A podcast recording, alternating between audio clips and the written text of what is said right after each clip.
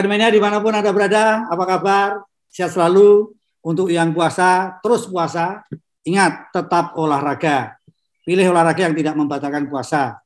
Jangan berenang, karena berenang bisa membatalkan puasa Anda. Kalau renangnya di kuahnya soto atau rawon. ya. Oke, Iwan Mania. Sebelum ngobrol dengan Asa, karena Asa ini sudah banyak sekali yang ingin sampaikan, karena kemarin ini kalau kita ngomongin eh, apa ya amunisi ini rasanya Asa ini pulaan amunisi banyak mulai dari sprint kemudian balapan semalam. Tapi se sebelum ke asa saya akan menyampaikan dulu ada beberapa berita yang tidak sampai di internet tetapi ini nyata ada di balapan semalam. Yang pertama adalah uh, siapa bilang uh, Formula One itu adalah uh, puncak teknologi, puncak logika dan tidak mengenal klinik. Yang jelas semalam terbukti Ferrari mengeluarkan jurus kliniknya dan meminta kepada Sainz untuk mengganti nomor 55 itu diganti dengan nomor lain. Karena nomor 55 itu kalau dalam bahasa Yunani kuno artinya SS, double SS. Singkatan dari sering sial. Nah, itu tolong nanti ini akan akan, di, akan diganti oleh Ferrari. Kemudian yang kedua yang cukup menarik, uh, siapa bilang uh, Red Bull atau Max Verstappen itu poinnya tambah uh, penuh semalam karena kita tunggu dulu klaim atau juga protes dari uh, Mercedes karena pada saat kejadian semalam tidak ada yang melihat tetapi ada rekaman video pada saat uh, overlap um, Lewis Hamilton, Max Verstappen ternyata melakukan tindakan yang tidak terpuji. Dia itu melengos, kedua tunjuk jarinya begini.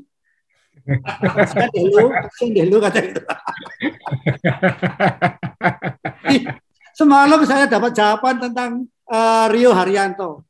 Yang dulu orang bilang, Rio kapan dapat poin? Rio kapan naik podium? Semalam Anda lihat kan bagaimana kalau Mercedes dalam kondisi yang tidak fit, juara dunia tujuh kali, lawan Gasly aja. nggak saya baru puas. Ini kalau mau tahu Ria Haryanto kenapa nggak dapat poin? Anda tahu kan bagaimana Lewis Hamilton semalam? Baik, saya bagaimana balapan semalam?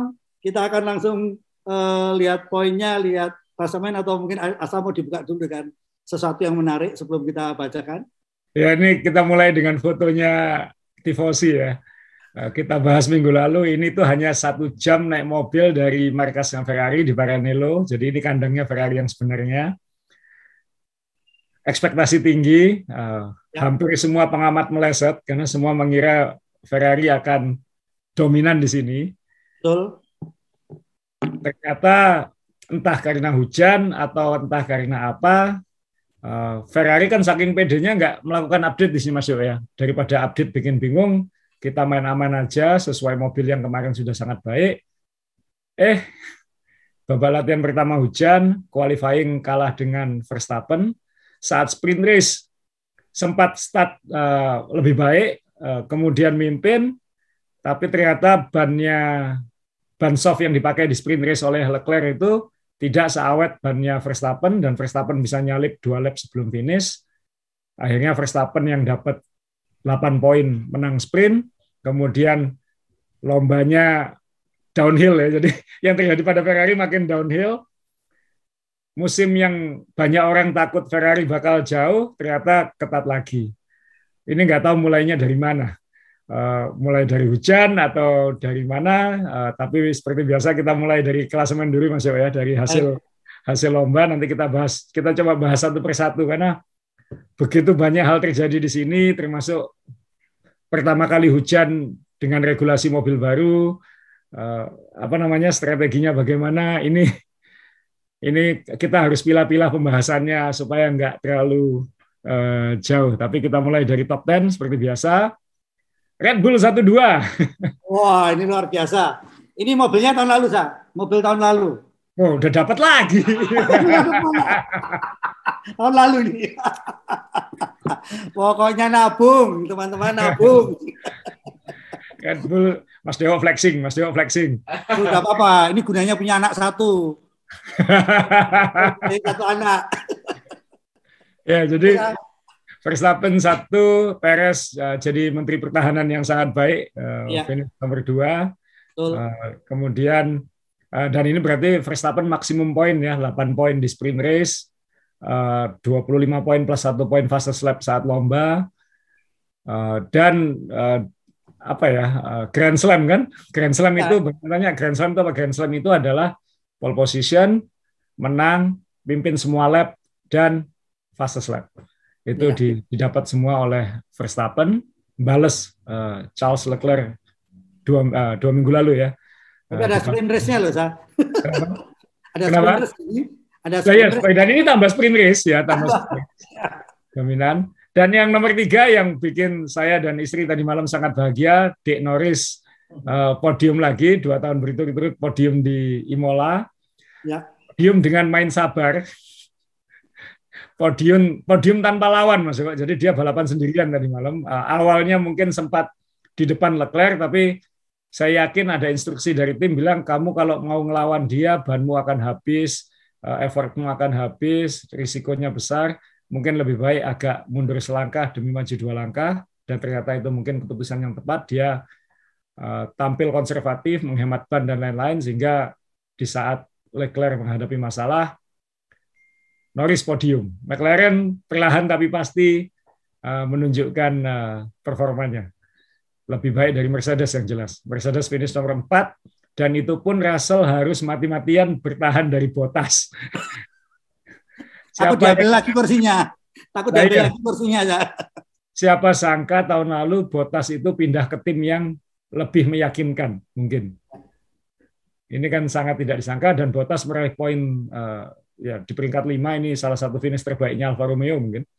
Uh, mungkin dulu kalau nggak salah Kimi pernah peringkat 4 kemudian Leclerc yang seharusnya aman podium malah melintir mencoba hanya gara-gara mengejar satu poin fastest lap Leclerc uh, mental dari tikungan, uh, untung tidak out, harus masuk pit lagi ganti sayap, ngejar lagi dan akhirnya hanya bisa finish peringkat 6. Jadi dari 3 ke 6 kan kehilangan berapa? 7 poin. Ya. 7 poin yang dia sendiri bilang akhir musim nanti mungkin saya akan menyesali 7 poin itu. Terlalu tamak katanya. Iya, iya. Kemudian ya, Sunoda, Alfa Tauri. Nah, Alfa Tauri ini markasnya lebih dekat lagi Mas Jawa, hanya 10 atau 15 kilo dari sirkuit. Karena ini dulu kan Minardi ya. ya. Kemudian nah, Sunoda luar biasa peringkat 7 dan Aston Martin dapat dua poin finish ini. Vettel peringkat 8, Stroll peringkat 10, dua-duanya relatif nyaris tanpa drama, tahu-tahu dapat poin. Uh, mungkin kondisi sirkuit dan insiden-insiden membantu mereka. Magnussen yang mungkin seharusnya bisa lebih baik, tapi tetap sekali lagi khas eh, termasuk konsisten ya dapat poin atau performanya solid di papan tengah atas yaitu top 10-nya eh, Albon sebenarnya peringkat 11 hampir dapat poin jadi sekali lagi papan tengahnya memang cendol dawet tahun ini eh, nah ini Mas Jo poin klasemen pembalap yang kita pikir Leclerc bahkan menjauh ini Leclerc masih nomor satu, tapi 86 poin dan Verstappen meroket ke peringkat uh, karena Verstappen maksimum banget di Imola, 59 poin, jadi hanya selisih 27 poin. Jadi selisih satu prinsipnya satu weekend lomba sekarang. Kalau Leclerc, Leclerc out satu lomba, Verstappen menang lagi dan fast lap, selisihnya satu poin lagi sudah. Tapi Bandel sudah pindah ke ke Verstappen sekarang ya. Kalau kita ngomong ayunan bandel gitu udah. Ya ngayunnya ngayunnya ekstrim. Iya, iya, iya kan. ngayunnya ekstrim. Iya. Luar biasa dan Perez sudah peringkat tiga sekarang. Ya. 54 poin. Russell uh, yang dari peringkat dua ya ke peringkat empat. Uh, Sains ini nggak tahu mungkin tadi Mas Yo mungkin memang harus ganti nomor ini atau harus ganti diruat atau saat lomba harus ganti celana dalam saya nggak tahu ini harus melakukan apa karena apesnya kok ya kok ya orang kalau lagi apes ya apes itu kok tahun ini dia luar biasa apes. Iya. Kita bahas mobil bagus ya, mobil bagus lagi. Mobil bagus lagi. Ya. Norris, uh, Norris, ya. sekali lagi pelan-pelan naik ke atas, 35 poin, uh, muda tapi sangat konsisten. Hamilton, ya, Hamilton ya. 20 poin ya, Mas Jawa tadi bilang Hamilton seperti pembalap biasa. itu kasihan ya nanti mungkin kita harus bahas apakah ini awal dari akhir Hamilton. Iya.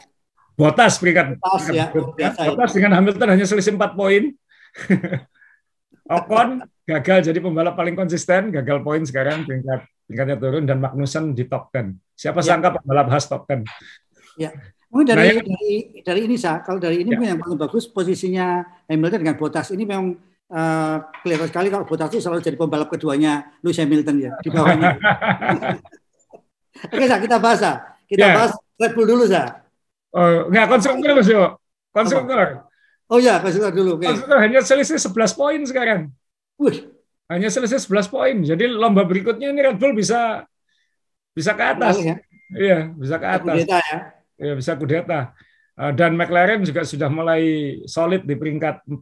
Eh, siapa tahu bisa ngejar Mercedes dan Aston Martin gagal puasa poin kan Mas Jadi udah yeah. batal puasanya. Sudah peringkat 9, William sekarang yang juru kunci lagi. Ya. Yeah. Haas kembali ke peringkat 8, tapi 15 poin hanya satu poin dengan Alfa Tauri. Jadi kalau kita lihat dari Alfa Romeo ke bawah ini kayaknya akan benar-benar jadol dawet. Tapi ya lihat Ferrari sempat minggu lalu ada pertanyaan apakah Ferrari ini seperti 2004? Jelas tidak. Jelas tidak. Jadi musim ini masih sangat panjang, pendulumnya masih bisa swing kanan kiri yang bawah siapa tahu bisa naik ke atas, siapa tahu Mercedes bisa menemukan uh, kemarin mungkin ada kunci yang hilang bisa ketemu. Tapi ya ya inilah uh, dan Red Bull yang jelas satu dua. ya, uh, kuncinya di mana saya lihat uh, kalau ini jujur ya saya ini semalam saya tadi hari ini sebenarnya pengen pakai kaosnya Max Verstappen bukan apa apa. Dua kali out gara-gara mesin, ya kan? Ya. Sekarang kalau misal diyakinkan oleh tim mesinmu oke okay sekarang, apa dia juga yakin mesinnya oke? Okay? Manusiawi kan? Iya manusiawi dan saya saya nggak tahu apakah Mas Dewo atau teman-teman yang menyaksikan ini tadi malam lap-lap terakhir sama-sama deg-degan nggak? Iya kan? Iya. Meskipun tengah lombanya seolah-olah membosankan, bukan membosankan ya, seolah-olah tidak banyak drama.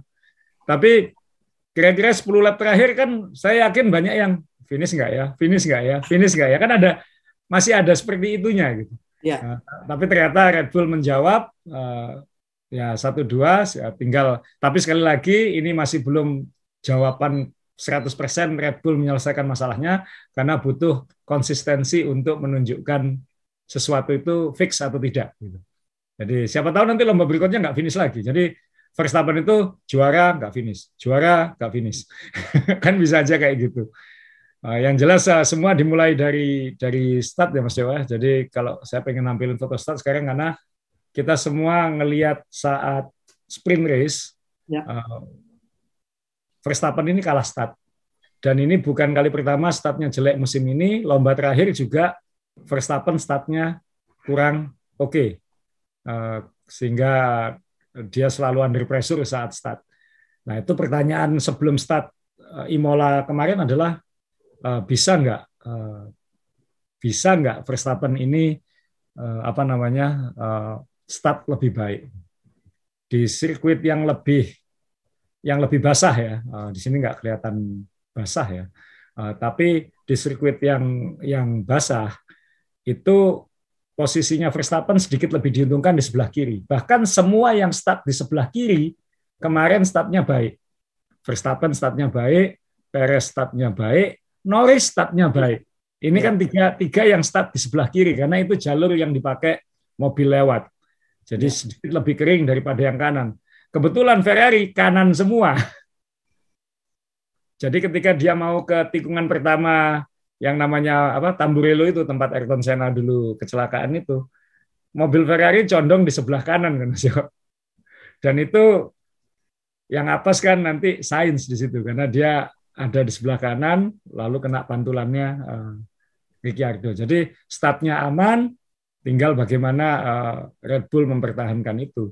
Dan ini uh, apa uh, start ini kuncinya semua karena setelah itu kita tahu Ferrari tidak bisa ngejar di track lurus. Kita lihat waktu sprint race bagaimana Verstappen kayak tinggal nunggu waktu aja itu. Kapan nyalip begitu dapat DRS, momennya dapat tinggal nyalip. Nah, Leclerc kan nyalipnya saat start. Nah, ketika startnya unggul, mungkin Leclerc Ferrari kecepatan menikungnya bisa menahan membendung Red Bull. Tapi kalau sudah tersalip, mungkin sudah tidak bisa ngejar lagi. Nah, dari sini sebenarnya sudah Verstappen tinggal main aman, apalagi ada Perez yang bisa jadi bumper. Perez saja yang sempat bikin salah, ditempel lagi sama Leclerc, kemudian bisa menjauh lagi kok, apalagi Verstappen. Ya, waktu nah, melebar itu ya, waktu ya, melebar. Ya, di tempat ya, di, di Cikin-Cikin itu sempat melebar.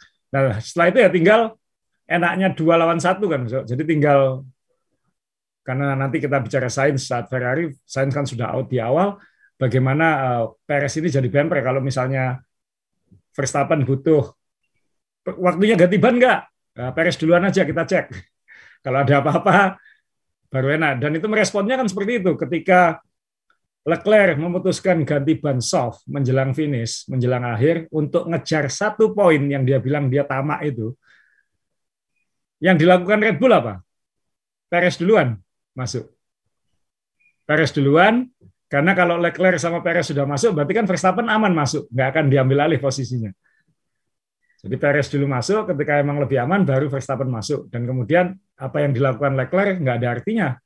Eh, Leclerc sempat fastest lap, Perez sempat fastest lap, pada akhirnya Verstappen yang fastest lap. Malah saking maksanya, Leclerc yang terbang itu eh, malah lebih rugi. Nah ini Red Bull relatif uh, straightforward balapannya, tinggal bagaimana mengontrol lomba dari depan. Itu aja dia. Ya. Dan pesta akhirnya ya ya juara dan optimismenya tinggi sekali, tinggi sekali. Tinggal sampai sekarang pertanyaannya jangan-jangan Red Bull yang menjauh nanti pertengahan musim. Ya, uh, saya semalam. Uh, jadi kalau kita lihat peran peran Perez uh, tidak main-main ya kalau kita lihat startnya startnya dia di posisi berapa kemudian bisa menyodok. Kemudian waktu masuk juga harusnya kan Leclerc juga di depannya dia tapi mungkin karena bannya dia sudah panas sudah stabil juga bisa ngambil. Nah ini kan juga uh, hitung-hitungannya tahun ini rasanya kan Max Verstappen lebih ringan dibanding tahun lalu sah karena Perez sudah mulai dari awal sudah mulai apa ya tune in sudah mulai klop dan lain sebagainya sah Ya, uh, ya yang jelas Perez uh, harusnya dikontrak lagi nih tahun depan oleh Red Bull. Wah kasihan Al, ini kasihan Albon, Gasly. ya karena kan prinsip manajemen salah satu yang paling penting kan salah satunya adalah don't change what works ya. Maksudnya dia berani dia harus komposisi ini kayaknya lagi lagi hot jadi uh, kita nggak tahu karena balapannya masih panjang balapannya masih panjang karena nanti bisa nggak Red Bull menahan gempuran bukan hanya Ferrari kalau Ferrari improve tapi juga Mercedes kalau Mercedes improve oh, tim-tim ya. lain juga improve. Sekali lagi ini baru empat lomba masuk ya. masih ada 19 lagi. Masih terlalu terlalu dini tapi angin seperti pendulumnya memang benar-benar ke arah ke arah Red Bull. Dan ini menunjukkan betapa hebatnya tim teknisnya Red Bull ya Mas ya. Dia bisa menemukan setelan itu dengan dengan cepat tanpa perubahan drastis kan seharusnya upgrade-nya jadi ya. tinggal oke okay, sudah klik kita lihat bagaimana Adrian Nui ada terus di di pitwall sekarang. Uh, ngamati uh, rajin. Katanya di sirkuit rajin bawa catatan. Kan orangnya manual banget jadi bawa iya, betul. Ya, betul ya. Manual banget sering bikin catatan-catatan. Uh, ya ini hasilnya di sini. Uh, kita lihat di awal musim ini Red Bull bisa langsung tune in cepat. Sementara Mercedes kayaknya masih bingung. Mercedes kayaknya masih bingung mau ke mana. Nanti kita bahas soal soal Mercedes. Ya. Mungkin nanti Verstappen juga uh, setelah lomba kemarin kan dapat penghargaan juga apa uh, Sportsman of the Year 2022 uh, eh, dan ini pasti akan nambah ya gengsinya Max Verstappen, kelasnya Max Verstappen ini makin karena yang menang penghargaan ini kan Messi, uh, dulu Schumacher, uh, juga siapa namanya Hamilton juga pernah. Nah, ini dia sekarang bukan hanya pernah jadi juara dunia, tapi juga salah satu atlet terbaik dalam sejarah. Ini ini momentum kan, begini-begini ini kan momentum. Tinggal kita lihat nanti momentum itu terjaganya uh, seperti apa, karena ya ini uh, kekuatan. Nah, Sa, ini kita bertanya Sa, ini kalau kita ngomong uh, ahli bahasa tubuh, ini kan luar biasa ya uh, pertemanan dua orang ini dibanding uh, kita lihat Ferrari maupun McLaren. Ini kan McLaren juga akrab sekali dua pembalapnya. Mercedes, Mercedes juga. Tapi kita lihat semalam ketika mereka keluar dari mobil, apa yang dilakukan, ngobrol. Ini kan eh, chemistry udah klop sekali kan dua orang bisa. Dan gini Mas, ini bukan persahabatan ya, karena kan beda generasi banget. Ya. Nah, satu Eropa, satu Amerika Latin, satu Usia. awal 20-an, satu pertengahan 30-an. Ya. Uh, dari angkatan yang berbeda, dari background yang sangat berbeda uh, yang satu meroket, yang satu butuh waktu lama untuk naik ke atas. Jadi yang saya lihat waktu di belakang podium itu ya, sebelum ya. naik ke podium, ya. itu yang saya lihat ini ini bukan persahabatan tapi ini hubungan profesional yang luar biasa. Jadi dua-duanya ini uh, apa ya? Uh, ya sangat sangat uh, teamwork di atas segalanya itu mulai kelihatan gitu. Ya itu karena Perez sadar posisi dia bukan nomor satu. Jadi ya. ada ada menerima kenyataan bahwa dia tidak tidak boleh atau tidak tidak akan mengganggu nomor satunya. Beda dengan Ferrari yang Sainz masih punya ambisi, ya kan? Apalagi setelah awal musim seperti ini. Kemudian beda dengan Russell yang ingin menunjukkan bahwa dia layak eh, menjadi penerusnya Hamilton dan itu akan menciptakan dinamika yang mungkin agak agak beda. Apalagi mungkin Hamilton bukan tipe yang eh, jovial ya, bukan tipe yang gampang ramah sama orang mungkin kayak ya. gitu. Uh, Verstappen kan karena sama sekali tidak merasa terancam kok, jadi aku ngobrol sama dia nggak masalah. Itu juga itu itu kayak dulu Senna dengan Berger Mas. Ayrton Senna sama sekali tidak pernah merasa terancam oleh Gerhard Berger. Sehingga keduanya jadi kayak sahabat. Padahal ya. sangat beda latar belakang, beda gaya, yang satu sangat serius, yang satu sangat bercanda. Itu mungkin chemistry ini mungkin didapatkan di, di Red Bull. Mungkin dan itu akan jadi senjata luar biasa ke depan karena yang satu sudah tahu posisi saya adalah Menteri Pertahanan. Dan podium dua itu sama dengan podium satu dia ya. Bonusnya yeah. sama dengan podium dua sudah bonusnya sama dengan podium satu dia. Nah, jadi dia, ya THR-nya udah oke okay lah. Jadi santai-santai aja kan. Ya, ya. Nah sekarang kan uh, kita geser ke Ferrari Mas ya, karena kan. Oke, ke Ferrari saya. What happened ini? Ini sesuatu yang uh, ini kita mulai dari sains dulu ya sebelum ke Leclerc lagi ya. Maksudnya ini sains ini kayak jelek, bagus, jelek gitu. Ya. Uh, nasib ya belum tentu jelek performa. Uh, saat qualifying dia nggak bisa melanjutkan di Q3 sehingga harus start sprint dari peringkat 10 ya, dari peringkat 10. Ya. Kemudian saat sprint luar biasa. Wah, dia jadi atraksi utama. Nyalipi satu-satu akhirnya maju ke ke depan itu kan start di peringkat empat itu kan. Nah itu kan akhirnya kembali oke okay, setelah sprint race uh, lomba akan berlangsung seru karena dua Red Bull dua Ferrari di depan. Ini lebih lebih fair. Di, di belakangnya dua McLaren. Tapi kemudian saat lomba ini ini yang dibilang racing incident maksudnya dibilang apakah salah sign? Enggak. Nah, dia sedikit di depan tapi dia di luar Apakah salah Ricciardo? Mungkin lebih iya.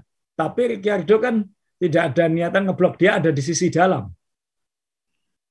Nah ini akhirnya kan kenapa pengawas lomba memutuskan tidak ada tindakan apa-apa karena ya udah ini namanya racing incident. Mungkin Ricciardo sedikit lebih salah, mungkin dia agak karena basah ya mungkin terpantul sedikit kena kerbing itu, eh, kemudian nyenggol ke Sains, tapi ya itu balapan gitu. Nggak ada yang bisa dilakukan sama seperti yang dialami Alonso apa yang bisa dia lakukan di ya. disenggol Mick Schumacher. Mick Schumacher sendiri kan kenapa melintir? Karena chain reaction efek rantai dari ini kan efek efek dominonya ini gitu. Nah ya sudah science out. Jadi dalam dua lomba terakhir science hanya berapa hanya satu lap ya total. Hanya satu lap di Australia out eh, lap kedua kalau nggak salah. Kemudian di sini out sebelum lap pertama selesai. Ya. baru dimulai malah jadi ya nol poin dan ini akan membuat dia lebih under pressure untuk harus mau menerima kenyataan nanti harus jadi bempernya Leclerc karena Bull solid. Dan itu untuk pembalap yang punya ambisi besar yang yang tahun lalu mengalahkan jumlah poinnya Leclerc ada pukulan psikologis yang luar biasa kan Mas Betul. Ini uh, Sains uh, Ya, saya mungkin saya tetap berharap sains tahun ini masih bisa naik, balapan masih musim masih panjang. Panjang. Moga-moga sains masih bisa dapat banyak kemenangan. Tapi ya kalau lihat ini kok kok apes ya. Kadang-kadang kalau sudah apes itu ya apes gitu. Nggak bisa ya yang ngatur di atas seperti apa. Makanya mungkin benar ya sains mungkin harus ganti celana dalam saat lomba. Enggak, Sa. Uh, katanya kalau sekali lagi melintir itu uh, pantatnya itu hurufnya diganti M bukan V, M. Melas melas. nah, ini agak keluar dari manajemen Formula One ke manajemen uh, sepak bola. Ya. Ini kalau kamu sebagai pelatih, Sa, kalau kamu sebagai pelatih sepak bola, pembalap seperti pelatih, eh, seandainya, seandainya, ya, seandainya ya. pelatih, ini pemain sekelas uh, Sainz ini apakah perlu ditarik dulu diganti? Karena kalau kita lihat mental kan sudah mentalnya sudah mulai mulai harus diperbaiki lagi kan saya. Ya, saya nggak tahu apa yang harus dilakukan Ferrari, tapi Ferrari saya lihat weekend ini sudah sangat tepat dalam segala hal ya. Pertama, uh, tidak akan ada tim order masih terlalu dini. Dua pembalap kita masih harus diberi kesempatan yang yang baik. Uh, dua, uh, Sainz baru saja tekan kontrak perpanjangan dua musim. Betul. Jadi seharusnya secara mental dan moral lagi bagus-bagusnya ya.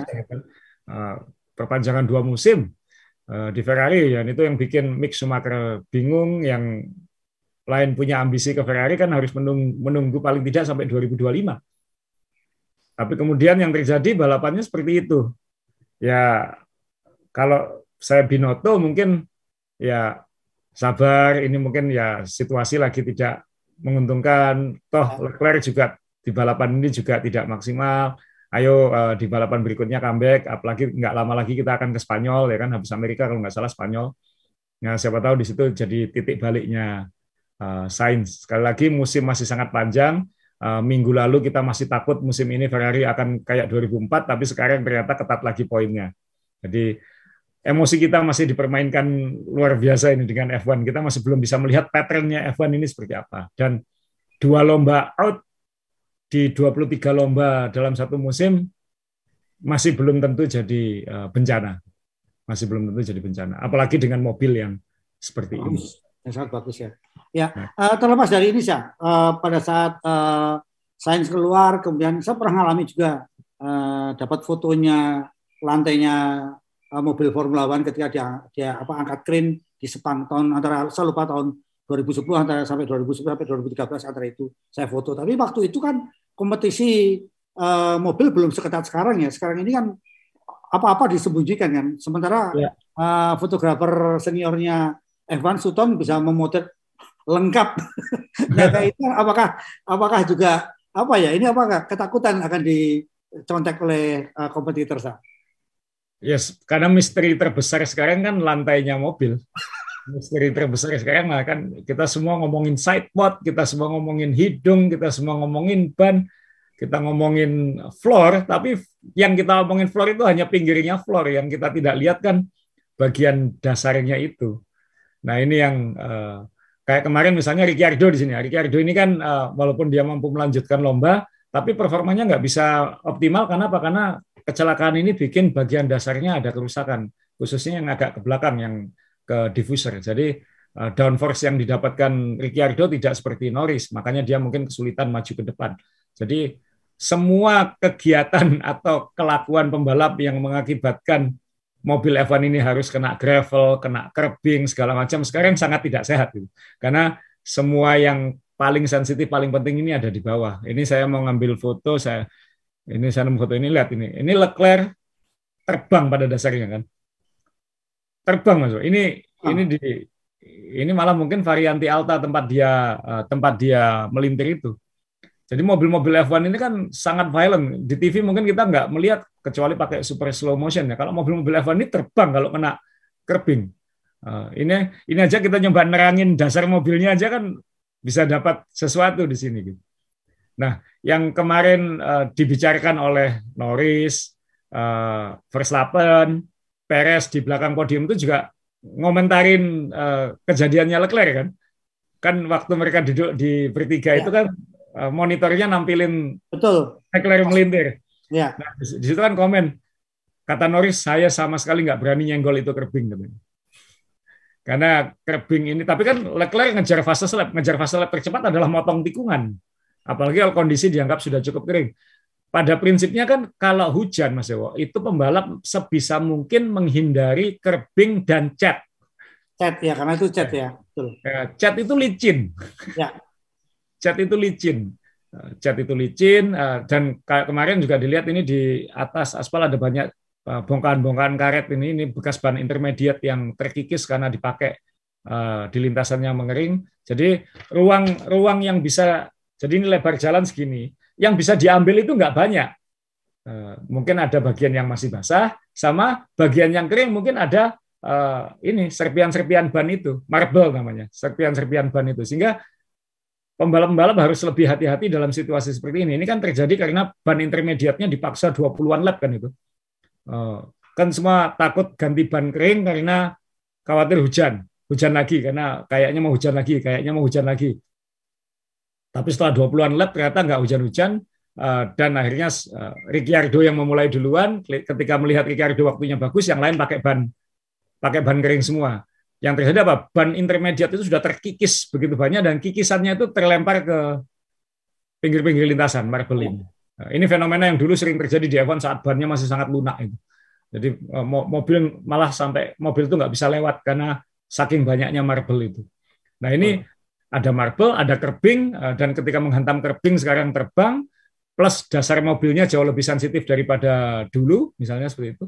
Nah, yang terjadi pada Leclerc kan itu dia mentalnya terlalu tinggi, eh, terlalu serius, ya. ya terlalu tamak, terbang terlalu tinggi, mimpi terlalu tinggi, sehingga akhirnya uh, mobilnya melintir keluar nggak bisa dikontrol udah itu. Dia tuh sangat beruntung tidak out dari lomba. Ya. Sangat beruntung karena itu kalau anda lihat variante Alta itu, ini kalau kita lihat uh, fotonya, ini kan nggak jauh antara apa antara dengan, uh, lintasan dengan ban pengaman ini. Ya. Sangat dekat itu bisa aja dia terbenam di situ dengan cepat kalau uh, kecelakaannya lebih keras lagi. Tapi dia sangat beruntung hanya sayap depannya yang ujungnya yang lepas ya. Eh, dan kemudian dia harus masuk pit stop dan ganti sayap depan dan ganti ban lagi. Tapi waktu itu eh, saya suka tadi malam komentatornya Nico Rosberg Mas. Nico Rosberg kalau ngasih apa ya insight, kalau ngasih insight dia kan sudut pandang yang dia dulu ngalami ini gitu. Dan baru-baru ini ngalami ini. Dia bisa bilang Hamilton perasaannya kayak gimana. Kan dia komentari uh, saat saat lomba. Jadi saya sangat dengerin banget ketika Rosberg ngomong, ketika Leclerc ini nabrak dan kemudian langsung masuk pit, karena kan pit lane-nya nggak jauh dari sini ya. Ya. Prospek tanya, kenapa kok langsung ganti sayapnya sekarang? Kenapa nggak dicoba dulu satu lap? Siapa tahu dia nggak perlu ganti sayap. Oke, kecepatan mobilnya mungkin nggak terlalu eh, nggak nggak sebaik sebelumnya, tapi dia mungkin bisa dapat finish lebih baik daripada dia masuk pit hilang 30 detik lebih. 30 detik itu kalau pit stop normal, dengan ganti sayap kan jadi 40-an detik, sehingga dia harus melorot ke peringkat berapa itu? 9 dan harus kerja keras untuk kembali ke peringkat 6. Rosberg bilang, kalau saya itu mungkin karena yang copot hanya apa ya uh, sirip pinggirnya itu ya. ya paling pinggirnya uh, sayap, ya saya mungkin coba dulu satu lap. Kalau tidak terlalu mengganggu ya saya akan coba paksakan karena kan hanya sisa beberapa lap saja gitu. Akan saya perjuangkan gitu. Nah, tapi rupanya Ferrari ingin uh, benar-benar aman. Uh, Leclerc mungkin sudah pikirannya sudah ke mana-mana, udah takut nggak bisa finish, takut ada kerusakan, uh, masuk pit lane dan apa namanya uh, diganti sayap dan akhirnya dia hanya bisa peringkat 6. Mungkin kalau dia tidak, mungkin dia bisa peringkat 4 mungkin. Mungkin hanya kesalip Norris mungkin. Mungkin kan ini semua spekulasi tapi ya, Rosberg saya sangat suka komentarnya dia gitu karena dia bisa kayak dia bisa membaca pikirannya pembalap-pembalap itu. Yang dia pernah rasakan juga ya saya. Plus catatan penting Mas Dewo, ini adalah corengan buat Leclerc karena juara dunia tidak membuat kesalahan seperti ini. Kalaupun membuat kesalahan, maksimum satu musim sekali. Sangat jarang bikin dua kesalahan, bikin dia jadi juara dunia. Nah, berarti kan kalau ini kita ngomong nyawa, kayak kucing punya sembilan nyawa gitu, ini sudah hilang satu. Nah, Leclerc eh, dan Leclerc sendiri bilang gitu, ini mungkin tujuh poin yang saya hilang ini mungkin nanti saya akan menyesali di akhir musim. Sekali lagi tahun lalu aja kayak gitu. Ya. Oke, oke. Jadi Ferrari cukup ya saya. Cukup cukup. Oke, ya. Dan ada informasi terbaru kalau teman-teman baca di internet, uh, Carlos Sainz itu sekarang sudah memutuskan tidak akan memakai nama depannya, hanya pengen dipanggil Sainz. Jadi artinya kan cerdas. Karena kalau Carlos itu mobil yang hilang terus, jadi mobil yang nggak bisa disetir. Carlos. ya saya aja pinter ya. Carlos. Iya. Sa, sekarang bisa. Kita sama-sama ini teman-teman uh, intermezzo dulu ya. Ini kasih ini hadiah dari Asa. Jadi Asa ini kalau kasih hadiah sekalian menyiksa.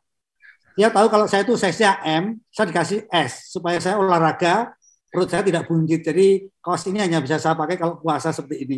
Kalau normal, waduh ampun ampun nih. Padahal bahannya lebih bagus daripada yang saya beli uh, tahun 2018 di uh, Suzuka. Ini jauh lebih bagus bahannya. Oke, kita kembali ke McLaren, Sa. Ya. Sama-sama kita pakai ini pakai McLaren. Iya. Karena supaya kompetitif di depan, jangan hanya dua, jangan hanya dua calon lah, tiga calon lah, gitu kan. Jadi seru. ya Dek Norris tadi kita sudah singgung di awal uh, konsisten banget uh, apa uh, dia tahu dia tidak bisa bersaing dengan yang di depan tapi dia juga aman dari yang belakang sehingga dia ya sudah balapan sendirian uh, tanpa drama. Uh, mungkin akan beda kalau Ricciardo tidak mengalami masalah ya. Tapi kan Ricciardo mengalami masalah sehingga uh, De Norris lonely race sebenarnya. Dan saya sempat mikir dia peringkat empat terus didekati yang belakang enggak, mendekati yang depan juga enggak, malah yang sama yang di depan malah agak ditinggal. Terus saya mikir bisa nggak ya podium? Kalau podium siapa yang hilang tiga di depan ini ya kan? Istri saya kan nontonnya bola balik bola balik gitu. Norris peringkat berapa gitu kan? Dia ngefans sama Norris. Dan ternyata, wah masih nomor empat. Wah masuk. Loh kok ada nomor tiga siapa tadi? Leclerc yang yang jadi korban Leclerc sekarang. Sehingga ya ya dua tahun berturut-turut di Mola Norris podium ya peringkat tiga ya. dan dua-duanya cuacanya seperti ini. Sekali lagi ini tetap eh, bintang masa depan mungkin ada yang lihat di media sosialnya McLaren atau F1 itu ya, yang setelah lomba satu tim McLaren tuh nyanyikan bahwa Lando ini Duan gitu, Lando Duan. Dan itu lucu sekali. Dan ada cuplikan juga dia dinyanyiin fans-fansnya kayak gitu. Ini orang kan saya nggak bilang badut ya, tapi memang ini memberi warna kebahagiaan di F1 yang beda dengan pembalap-pembalap lain kayak ke mana dia datang orang ceria itu itu ya. itu, itu langka. Nah, ini ya selamat Lando dan ini menunjukkan McLaren uh, sudah di jalan yang benar, uh, tidak banyak bicara, tidak banyak sesumbar, tapi uh, apa melangkahnya itu tenang gitu, tenang. Nggak kita nggak nggak panik dengan masalah rem di Bahrain, kita tetap fokus. Daniel Ricciardo pun uh, tetap punya potensi sekarang ke depan juga. Uh, kemarin kalau lihat ekspresinya apa uh, Zach Brown kayaknya kayak Bahagia sekali ya. Kayak bangga tenang gitu.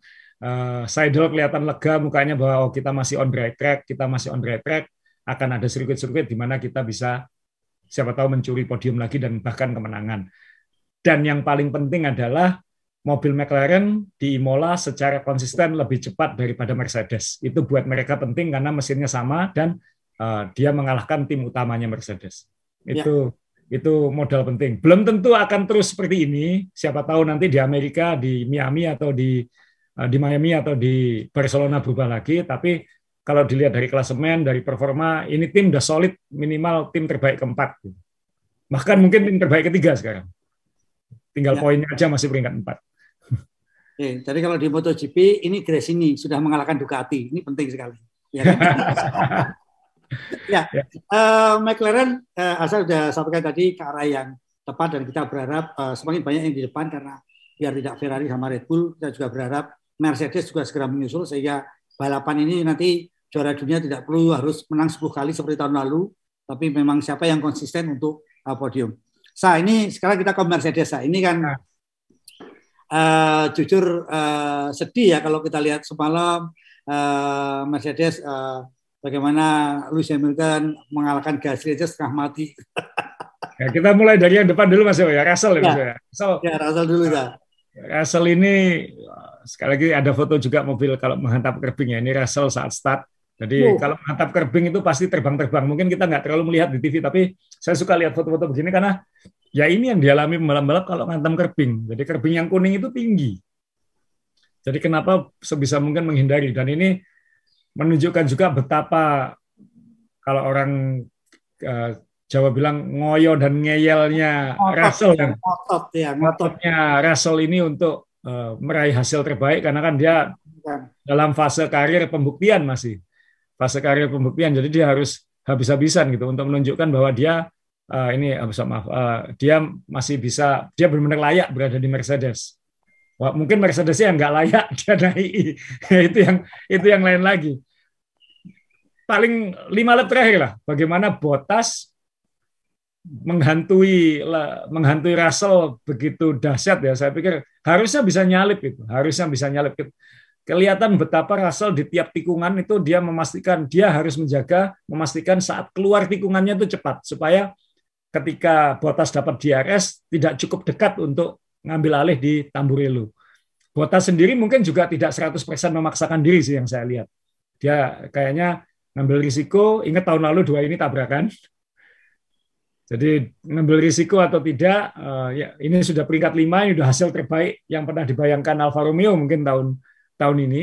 Uh, jadi mungkin Bottasnya sendiri juga tidak tidak all out uh, ngambil ngambil ngambil si Russell. Dan Russell. sebenarnya Bottas harusnya di depan Russell karena kan pit stopnya Bottas saja yang lebih lambat 8 detik gara-gara ban kanannya depan itu sudah terpasang terpasang. Ya. Jadi kita dengan fair bisa bilang, mohon maaf untuk penggemar Mercedes bahwa Alfa Romeo lebih cepat daripada Mercedes. Karena masalah pit stop, Mercedes, Russell masih di depannya Bottas. Sebenarnya seperti itu aja. Jadi sebenarnya ini posisinya berbalik. Dan itu realita yang masih sulit diterima mungkin untuk kita semua yang begitu apa ya uh, melihat Mercedes begitu dominan selama 8 tahun ya Mas Yo. 8 tahun betul, Kak. 8 tahun seperti itu, kemudian kita melihat seperti Mas Dewa bilang tadi, bagaimana Hamilton mau nyalip Gasly aja nggak bisa. Dengan segala kemampuannya sebagai juara dunia, itu dia Gasly defense, defense juga tidak habis-habisan juga kayaknya. Ya ngotot, tapi tidak tidak sampai harus ekstrim-ekstrim blocking-blockingan kan juga enggak. Kayak gitu. Karena malah dua-duanya ini nggak bisa ngejar Albon. Dan Albon dan Albon nggak dapat DRS. Albon nggak dapat DRS loh. Jadi track lurusnya Williams oke okay juga ini kayak gitu. Bagaimana dua pembalap ini dan uh, tadi ini tim saya ini McD ini di sebelah ini yang yang uh, menyutradarai ini acara kita ini dia bilang akhirnya Hamilton ke syuting banyak mas kemarin. akhirnya Hamilton ke syuting banyak tapi peringkat berapa? Merunduk ya. peringkat Tapi yang sakit waktu di Albon saya, sa. Jadi Kenapa? waktu waktu Albon di depannya Mercedes kan sakit sekali, Sa. Ini oh, William oh, kan ini? William loh. Sakit. Bagaimana Hamilton juara dunia tujuh kali harus bersaing dengan Alfa Tauri, dengan Williams, ya. ditinggal oleh Haas. ya kan Magnussen di depannya lagi jauh. Siapa yang nyangka eh, enam bulan yang lalu lah, eh, lima bulan yang lalu, empat bulan yang lalu kalau Mercedes bakal dalam kondisi seperti ini. Ini kan uh, sangat meyakinkan dan di overlap oleh Red Bull. Di, di overlap oleh Verstappen. Dan itu Rosberg bilang itu menyakitkan sekali kata Rosberg.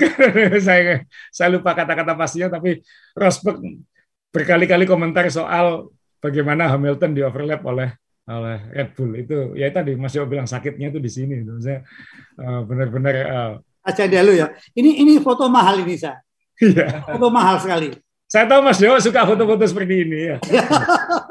ini mahal sekali ini. Ini aduh luar biasa apa yang dia rasakan gitu kan, Sa. Yeah. Nah, bicara soal soal masa depan, Sa. Uh, Russell ini kan menurut, menurut saya kan juga orang baru dan ternyata berkali-kali sudah mem uh, Lewis Hamilton gitu. Ini ini gimana? Pembalap paling konsisten tahun ini Russell loh Mas Yang nah, yang poin setiap lomba ya. Ya. Ya. Apa ini ya, menyakitkan ya kita ngomong uh, Hamilton yang begitu dominasi terhadap rekan-rekan satu timnya sampai Rosberg sendiri pensiun setelah mengalahkan dia uh, itu dikasih dihajar anak kemarin sore tanda kutip kan gitu ya meskipun Russell punya sejarah di Mercedes juga gitu dia didikannya Mercedes tapi kalau melihat kemarin uh, saya sekali lagi mohon maaf saya akan ngutip omongannya Rosberg adalah uh, dan ini saya kira kenyataan, Russell masih harus membuktikan diri, sehingga Russell akan habis-habisan untuk meraih hasil terbaik. Akan lebih nating tulus, akan lebih berani ngambil tikungan, akan lebih berani bertarung. Sementara Hamilton ini mengutip Rosberg, sudah pernah melakukannya, sudah pernah mencapainya, eh, sudah melakukannya lebih dari yang lain. Nah, jadi akan pasti akan tetap akan maksa, tapi apakah aku akan ngambil risiko sebesar itu? buat apa aku ngambil risiko sebesar itu? Ada kan semakin kita senior semakin kita mikir mas saya, saya juga nggak habis pikir dulu waktu SMP berani ya naik motor kebut-kebutan kayak gitu. Ya. sekarang kan mikir juga kayak gitu. Nggak usah gitu lah. 8 eh, tahun yang lalu lima tahun yang lalu saya masih ikut balapan kriterium balap sepeda. Sudah operasi patah eh, metakarpal sudah operasi bahu patah bahu eh. tapi sekarang kan saya mikir kalau mau balapan kriterium lagi balap sepeda saya akan mikir gitu. Kan aduh worth it nggak itu? Nah, apakah itu juga dialami oleh Hamilton? Ini kan ini kan dia memasuki fase itu kan sekarang. Ya, berat berat sekali kasihan. Jadi ya. saya cuma berharap uh, memang saya begini saya, saya juga berpikir kalau tahun ini dia tidak bisa mengambil juara dunia tambah berat. Kalau juara dunia tahun ini misalnya Leclerc misalnya, ya. berarti Max Verstappen pernah juara dunia, Leclerc sudah pernah juara dunia, mentalnya semakin kuat. Ya. Tahun ketiga belum tentu mobil dia juga kompetitif dengan dengan yang dua ini kan saya. Ya. Tapi juga tapi juga saya hormat semalam saya. Ini kalau bukan pecundang semalam mungkin udah gimana alasan mogok atau apa. Bayangin ya. berpuluh-puluh lap hanya berkutat di situ tapi tetap profesional. Bisa, kan? Disaksikan pemirsa di seluruh dunia bagaimana Hamilton struggle. Uh, ya. Peter Windsor di di vlognya bilang uh, Hamilton ini kan harus diakui termasuk jarang latihan tarung di tengah maksud. Harus diakui jarang tarung di tengah sepanjang karirnya. Ya. Apalagi 8 tahun terakhir seperti itu. Ketika dia masuk McLaren pertama kali tahun 2007, mobilnya sangat kompetitif, hampir juara dunia. Ya. Tahun 2008 juara dunia uh, bersaing di depan. 2009 salah satu mobil terburuknya dia kan dia ngakui sendiri mobil tahun ini ya. seperti 2009 katanya. Tapi 2009 dia akhirnya masih bisa menang dua lomba. Setelah itu oke okay, mungkin tidak bisa juara dunia bersama McLaren tapi menang menang menang. Jadi mobilnya selalu kompetitif. Nah sedangkan mobil dia tahun ini setelah itu dia di Mercedes kan yang dominan yang dia ya. bangun, bangun telatun tanpa latihan pun mungkin minimal pole position dan mimpin banyak gitu. Nah ini dia harus bersaing di tengah dengan tim-tim yang sepanjang hidupnya bersaing di tengah. Perlatih. Perlatih ya. Ingat nggak tahun lalu waktu Botas nyundul Norris di Hungaria, ya. Uh, ya. kemudian Norris nyindir Botas bilang mungkin dia kurang latihan start di tengah kayak gitu. Nah, ini ini mungkin yang dialami Hamilton sekarang itu itu menyakitkan sekali dia juara dunia tujuh kali yang sepanjang karirnya jarang bersaing di tengah lebih sering di depan daripada di tengah harus mengalami situasi seperti ini. Itu menyakitkan. Apakah ini berarti Mercedes, dia sih sudah bilang ya, mungkin juara dunia sudah nggak mungkin, tapi kita harus never say never. Karena kalau melihat Russell bisa maksimal seperti itu kan masih ada peluang. Uh, masih musim masih panjang, masih bisa balik mungkin. Tinggal mampu nggak Mercedes ini balik. Nah, Toto Wolff bagusnya kemarin habis lomba langsung minta maaf ke Lewis, mohon maaf kamu tidak layak mendapatkan mobil seperti ini. Nah, tapi mobil tapi ya mereka kayaknya juga belum tahu jawabannya apa ini untuk untuk bisa membalas. Kan apakah sejak kalau mobil ini ternyata secara fundamental memang tidak baik, celaka. Karena problem fundamental sangat sulit. Fundamental itu berarti mulai dari monokok sampai bagian-bagian ya. komponen besar ini harus rombak total dan kena budget cap, eh, kena regulasi segala macam akan sangat sulit. Tapi kalau ternyata itu kayak kehilangan satu kunci dan kunci itu bisa ditemukan, kayak Red Bull misalnya, ya mungkin akan bisa lebih kompetitif lagi. Jadi pertanyaan sekarang ya kita tunggu uh, dan uh, mungkin Judgment Day ya hari hari penentuannya nanti mungkin Grand Prix Spanyol di Barcelona itu. Kalau di Barcelona nanti Mercedes tidak bisa menemukan kunci performanya, ya mungkin mungkin tahun ini harus dicoret oleh oleh Hamilton. Jadi Miami kan terlalu baru ya dua minggu lagi kita ke Amerika sirkuitnya masih sangat baru street circuit kita nggak tahu petanya seperti apa tapi Barcelona kan semua tahu seperti apa. Di situ kita akan melihat peta kekuatan F1. Ya mungkin nanti di Barcelona kita akan bikin review. Oke, peta yang sebenarnya seperti apa setelah Barcelona. Seperti itu. Ya. Nah, ini Mercedes. Uh, kita berdoa untuk Mercedes teman-teman uh, karena kita juga butuh uh, tiga atau empat uh, tim yang ada di depan supaya kompetitif dan ini juga um, menunjukkan kalau Toto Wolff ini tidak pernah membaca berita internasional dia tidak tahu tentang big data. Sementara kalau kita tahu uh, Red Bull dan Ferrari ini selalu mempunyai big data, sehingga apa? Pengembangannya gampang. Ini kan mandek dia, nggak bisa dikembangkan apa-apa mobilnya. Sementara Red Bull improve terus, datanya lengkap. Kita lihat Nui aja masih manual. Aduh, kita lihat Nui, aduh ini ini bapak big data bener ini. Masih mau seperti itu datang ke mana ke ke garasi ya kan saya. Ini jadi kan saya pikir ini Mercedes mungkin sudah terlena tahun lalu kecapean sehingga data untuk tahun ini rasanya ya kita berdoa semoga uh, tim raksasa ini kembali lagi ke jalurnya. Itu saya doa kita ya. ya. Oke, okay. semoga juga jangan sampai terjadi seperti Valentino Rossi yang harus disalip-salip dengan muda-muda tapi silakan nanti Mercedes dan uh, Lutz supaya berpikir lagi. Saya ini tim bawah semalam ramai juga saya ini keroyokan saya. Ya, uh, tadi saya mau nambahin satu lagi ini bagaimana khas tarung sama Mercedes. Ini, ini kalau tahun lalu ini foto di overlap. Uh, ya. Tapi ini sekarang foto tarung gitu. Nah, uh, bicara papan tengah, Mas Dewa sudah wanti-wanti tim hijau, tim hijau katanya ya ini Aston Martin. Akhirnya dapat poin, Vettel peringkat berapa tadi? Peringkat 7 atau 8 ya. ya. Kemudian uh, uh, Stroll dapat satu poin. Dan ini apakah ini berarti Aston Martin sudah menemukan jalan? Sekali lagi balapannya hujan, uh, awalnya hujan, awalnya basah, changing condition, uh, dan di saat seperti itu biasanya pembalap seperti Vettel seharusnya punya kemampuan lebih ya untuk eh. Untuk lebih kalem, lebih tenang menghadapi situasi seperti ini sehingga dia bisa mengoptimalkan eh, apa yang dia bisa dapat. Stroll tapi juga harus diacungi jempol karena uh, bagaimanapun bisa dapat poin uh, di depan Hamilton sepanjang lomba. Siapa pun yang di depan Hamilton sepanjang lomba kemarin adalah pasti aku pernah sepanjang lomba di depan Hamilton uh, tarung bukan bukan apa bukan uh, karena situasi diuntungkan nah ini ya. Ini sesuatu yang baik buat Vettel karena Vettel termasuk yang uh, paling crossroad ya di persimpangan musim ini tahun depan mau ya. ngapain ya kalau Aston Martin tidak segera improve Vettel tahun depan nggak punya opsi papan atas sudah papan atasnya sudah penuh gitu. masa dia mau merengek ke Red Bull menggantikan Perez kan sulit juga di saat Peresnya seperti itu. Ya.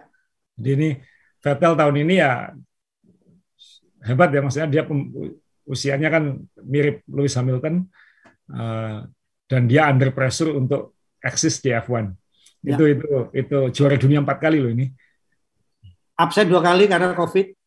Ah, sudah absen dua kali karena COVID ya ini tapi positif lah uh, minimal semua poin ya, semua tim sudah dapat poin ya. semua ya. tim sudah dapat poin dan jarak walaupun masih di peringkat 9 tadi saya kembali ke klasemen konstruktor walaupun Aston Martin masih 5 poin tapi itu hanya selisih 20 dengan Alfa Romeo di peringkat 5 20 poin kan kalau sisa 19 lomba kan ya 1 2 poin per lomba kan. Masih masih sangat bisa. Ini kita dengan lihat. kemampuan yang kuat ya saya. Dengan kemampuan finansial yang kuat. Kemampuan yang lainnya belum tentu masih kemampuan finansial ya Pak. Ini ini tahun yang yang cukup menjanjikan. Jadi papan tengah uh, solid, uh, hebat. Uh, Magnussen dapat dua poin lagi. Sekarang yang jadi pertanyaan uh, tahun ini kan, apakah Sainz bisa membalik uh, keberuntungan dan menang? Satu, uh, bisa nggak McLaren uh, nyodok curi menang juga? Progresnya ini real atau enggak? Kemudian uh, kapan Mick Schumacher dapat poin? Ya, sial terus. Uh, kapan Mick Schumacher dapat poin? Dan uh, cendol dawat papan tengah ini nanti uh, serunya seperti apa itu uh, ada banyak storyline untuk musim ini yang yang uh, bisa kita ikuti. Ya ini tahun lalu adalah musim yang spektakuler, moga-moga tahun ini juga jadi musim yang seru. Ya, ini yang sekarang kan tiga besarnya kurang lebih seperti ini Mas ya. Jadi Red Bull, Ferrari, uh, kemudian uh, McLaren yang yang paling dekat, uh, bukan Mercedes. Walaupun secara klasemen Mercedes lebih lebih baik, tapi di lomba kemarin uh, McLaren kalau nggak salah analisisnya itu setengah detik lebih cepat per lap dari Mercedes kemarin. Setengah detik lebih cepat. Setengah detik itu kayaknya nggak banyak ya. Setengah detik itu kalau dikali 60 lap itu 30 detik. setengah menit selisihnya. Nah, satu ini, kali pit stop. Satu kali pit stop ya. ya. Ini ini tiga besar. Uh, sekali lagi mereka yang kemarin khawatir musim ini jadi uh, pestanya Ferrari tanpa pesaing. Dalam satu lomba situasi berubah total. Dalam satu lomba situasi berubah total. Nah ini uh, adalah ya adalah musim yang yang tidak apa ya tetap seru lah, tetap seru, tetap ya. saya tetap tetap misterius sebelum setiap lomba mas Yo. Tetap eh. nanti seperti apa ya, nanti seperti apa ya.